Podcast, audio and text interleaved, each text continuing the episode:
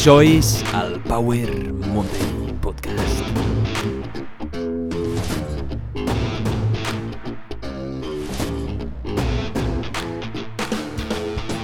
Benvinguts al Power Monday Podcast, sóc en Pau, el teu apassionat de fitness, inspiració i ciència.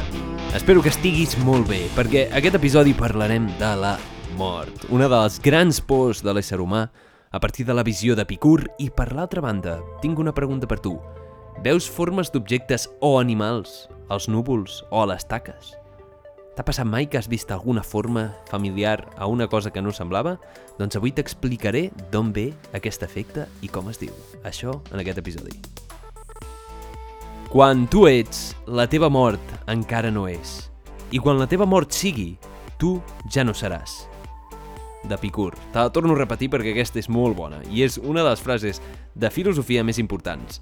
Quan tu ets, la teva mort encara no és. I quan la teva mort sigui, tu ja no seràs. Hi ha una veritat universal. Tots morim. Almenys en aquesta vida sembla que tots no som, després som i deixem de ser. Seguim aquesta seqüència. I tot i ser-ne conscients, ens repulsa el fet de deixar d'existir, tot i que sabem que forma part de la vida i menys ens agrada encara que els altres ens deixin, que els altres morin. De fet, quan tu mors, no tindràs la capacitat de patir. Per tant, no t'hauries de preocupar de la teva mort, sinó de la teva vida. Aquesta és la visió d'Epicur. Epicur, un dels grans filòsofs de la història que va aprendre de Sòcrates, Plató i Aristòtil, ens diu que la por a la mort és la gran por i que aquesta ens impedeix viure. Bé, de fet, Epicur diu que hi han quatre grans pors. La por als déus, la por de la mort, la por del destí i la por del dolor. Però la més important i la que reflexiona més ell és la por de la mort. La por a morir. Llavors Epicur ens aconsella que superem la nostra por a la mort. I diu que superem la por, no que la neguem. De fet, ell és plenament conscient que la mort està present cada dia de les nostres vides. Epicur ens diu que podem superar la nostra por a la mort combinant tres tècniques diferents. Bueno, tres tècniques, tres principis. El coneixement, l'amistat i portant una vida moderada. El coneixement, segons ell, ens aporta consciència de la realitat i ens fa entendre que la mort és present. No la neguem, l'acceptem i ens dona la capacitat de viure el present. En segon lloc, l'amistat diu que és un dels millors béns que té l'ésser humà i compartir aporta significància a la nostra vida. I per últim, portar una vida moderada, buscar l'equilibri i no buscar l'adonisme, i en comptes d'això eliminar l'ego i ser capaç de viure en pau i harmonia. És a dir, bàsicament viure tranquil·lament i sent un savi compartint bons moments amb els teus amics. Em sembla increïble com aquest home que vivia el 300 abans de Crist encara m'està donant consells avui en dia. Bueno, tot, pràcticament tots els filòsofs grecs la van encertar bastant quan van filosofar en el seu moment. Llavors, un dels autors que també coincideix amb la visió d'Epicur és Mark Twain, i la seva frase diu No tinc por a la mort. He estat mort durant milions i milions d'anys abans de néixer i no he patit la més mínima inconveniència per això. És a dir, recorda que durant molt temps has estat mort, no has experimentat, vens del no-res i tornes al no-res, així que no tinguis por a la mort, no tinguis por a desaparèixer, perquè quan estiguis desaparegut no podràs experimentar res. Quan la teva mort sigui, tu ja no seràs. Però la mort sempre genera una pregunta molt important. Què creus que hi ha després de la mort? Hi ha el no-res, la immobilitat absoluta? Realment desapareixem? Aquesta és una de les grans preguntes.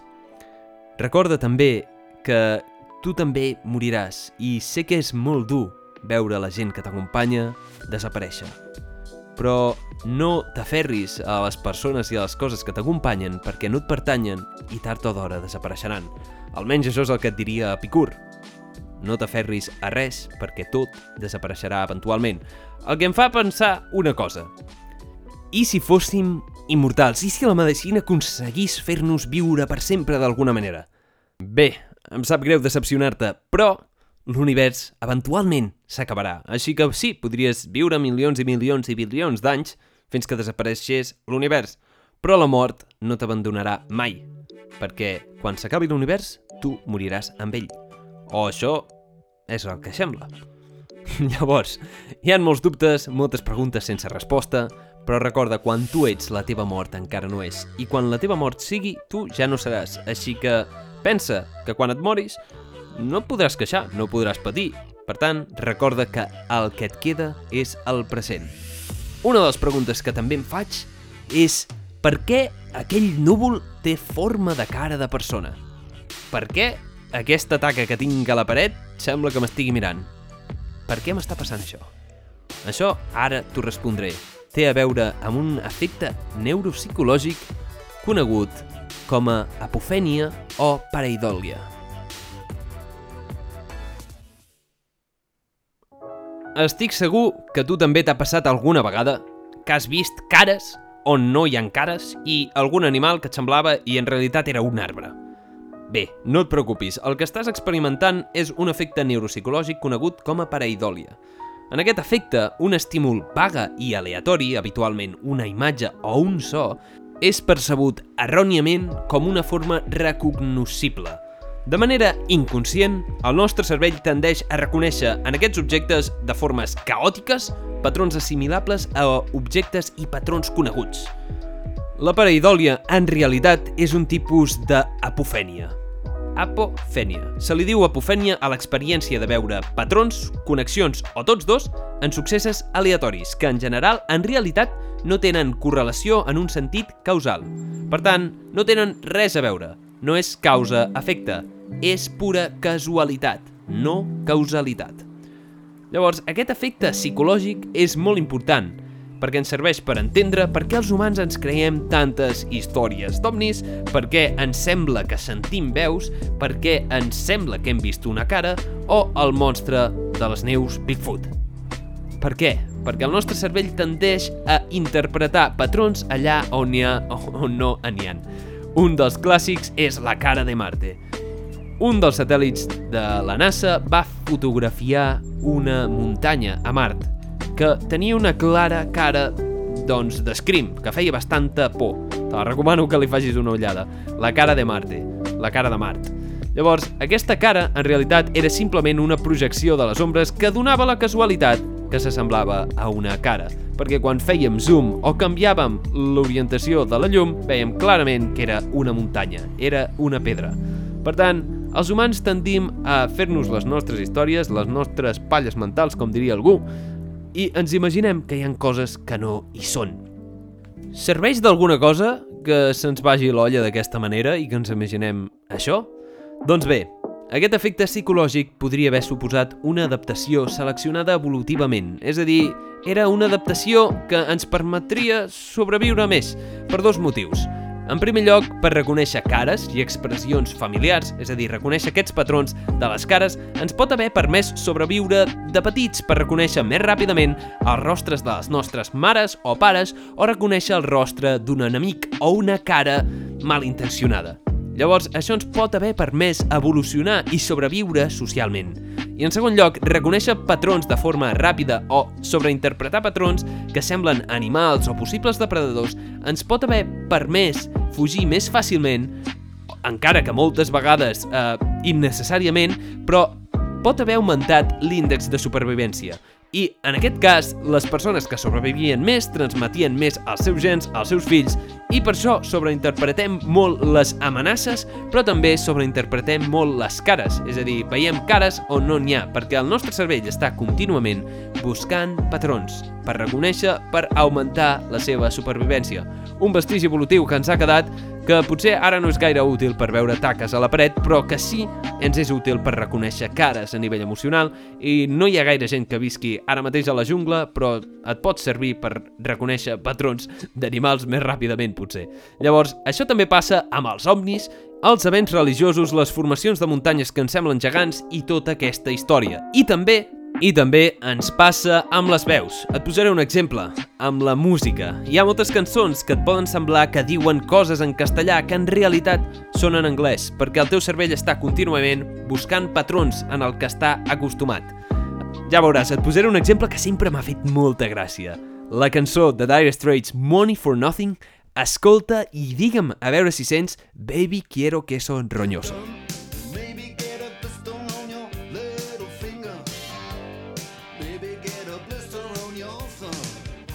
En realitat el que diu és Maybe get a blister on your little finger, maybe get a blister on your thumb. Això és el que diu, però um, sobreinterpretem aquest patró i posem el llenguatge en castellà que és més comú per nosaltres i això passa amb moltes altres cançons. Um, de Michael Jackson n'hi ha moltes, En tu no hay tomates, eh, moltíssimes, moltíssimes. Et recomano, si et fa curiositat, que busquis un vídeo de canciones en inglés que suenen en espanyol. Et deixo l'enllaç a la descripció. Fa una mica de gràcia, però també demostra que sabem molt poc anglès. Però és un fet universal que passa tant en anglès com en castellà i en català, en el que el teu cervell, al no entendre ben bé el que diu, posa un patró que encaixa, que queda bé i el teu cervell està content de sentir qualsevol cosa que tingui més sentit que l'anglès que no entens.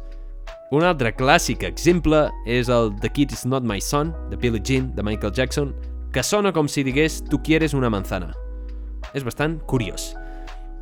I bé, això és la pareidòlia, que és un tipus d'apofènia, i l'apofènia és molt important en el món de la ciència, perquè és un viatge cognitiu en el que els humans tendim a trobar una relació de causa-efecte amb una cosa que no hi ha, i això amb les ciències passa moltíssim, particularment amb la nutrició i amb varis estudis observacionals, on veiem una observació de causa i efecte quan en realitat no hi és, i no tenim en compte totes les variables.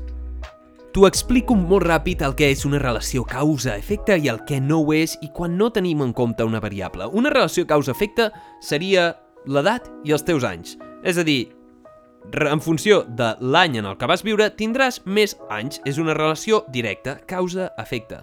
I això és tot per aquest episodi. I llavors tindríem una relació que no és causa-efecte, sinó una relació de casualitat. És a dir, és bàsicament aleatori. Seria un exemple clar d'una existència que no hi ha correlació de dir que el canvi climàtic està causat directament per l'inversió en recerca contra el canvi climàtic, perquè veiem que és proporcional, és a dir, com més augmenta la temperatura global, més diners destinem del nostre pressupost en estudiar el canvi climàtic. Podríem aïllar les variables i dir que el canvi climàtic està causat per la recerca en el canvi climàtic. No té cap mena de sentit. És una pura casualitat. I d'aquestes en tenim un munt. Per exemple, hi ha un estudi en el que van veure que el consum de margarina a l'estat de Maine es vincula directament amb el número de divorcis. És a dir, com més margarina menges, més risc de divorcis tens. Clarament, això és una pura coincidència, i això no vol dir que sigui una causa-efecte. No com més margarina mengis, més et divorciaràs. No té res, no té res a veure. Simplement són casualitats. I per l'altra banda, en un sistema de variables hem de tenir en compte que no només n'hi ha dues. Nosaltres tendim a ser sobresimplificadors i intentem que només hi hagin dues variables, que A causi un canvi en B, però quan afegim una C, una D i moltes més variables, llavors el sistema es complica una mica més. Passa molt amb salut i passa molt amb el canvi climàtic, en el que ens costa entendre quines variables tenim en joc. Un clar exemple per entendre les variables i com les hem de tenir en compte seria un exemple de cotxes. Imagina que tu vas conduint i apretes el cotxe, l'accelerador i el mantens constant. I veus que la velocitat hauria de ser constant, però veus que de cop augmenta i de cop baixa. Llavors diries, podries dir, que aquest accelerador està malament, que no funciona, si no tinguessis en compte que hi ha una altra variable, la pendent. Està clar, la pendent influeix molt a la velocitat que agafes en el cotxe, però en un sistema, si no tens en compte totes les pendents, diries que l'accelerador no funciona adequadament. Llavors, hem de mirar la fotografia gran i al nostre cervell li encanta sobre simplificar i trobar patrons i trobar relacions on no n'hi ha. Val? Llavors hem de ser conscients d'aquest viatge. Això, de fet, a l'últim episodi parlàvem una mica de viatges i crec que és molt, molt important i alhora molt curiós de com podem modificar la informació per arribar a creure que una cosa causa l'altra i no tenen res a veure. Per tant, relació causa-efecte, relació de causalitat, apofènia, que és la facilitat de veure una relació on no hi és, i després la pareidòlia, que és reconèixer patrons on no n'hi ha. que és un tipus d'apofènia. I ara m'agradaria fer-te la pregunta de veus molts patrons, reconeixes molts patrons, ets conscient de que existeix l'apofènia i els teus biaixos i de que no tots els sistemes són tan simples com dir A produeix B? Jo crec que a vegades és important per entendre que les coses són més complexes de les que semblen a priori. I espero que t'hagi agradat aquest punt i això és tot per aquest episodi.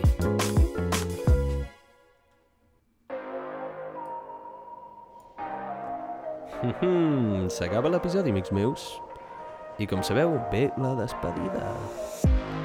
Moltíssimes gràcies per haver escoltat aquest episodi. Espero que t'hagi agradat molt o t'hagi aportat una mica de valor. Recorda, si t'ha agradat, si us plau, posa'm seguir a qualsevol plataforma que m'estiguis escoltant o comparteixo amb els teus amics, amigues o alguna persona que creguis que li pot resultar interessant aquest episodi. Recorda, no tinguis por a la mort, perquè has estat mort molts anys i tampoc t'has enfadat ni has patit per estar mort. I quan estiguis mort, no patiràs, així que preocupa't més de viure i de gaudir el present i d'entendre que la vida és finita i tot té el seu final. I per l'altra banda, apofènia pareidòlia, un dels misteris, per què veiem formes? Avui ja ho saps. Aquest fenomen neuropsicològic és increïble i pot explicar gran part dels problemes en ciència i a l'hora d'entendre malament a l'altra persona quan parlem o de sobreinterpretar patrons com Baby quiero un queso roñoso. Moltíssimes gràcies per escoltar aquest episodi. Et desitjo una setmana èpica, plena de creixement, plena de vida, plena de moments increïbles i que siguis capaç d'evitar la por a la mort i que estiguis més viu que mai. Que et vagi bé aquesta setmana, company. Ens veiem, com sempre, en el pròxim episodi. Ciao!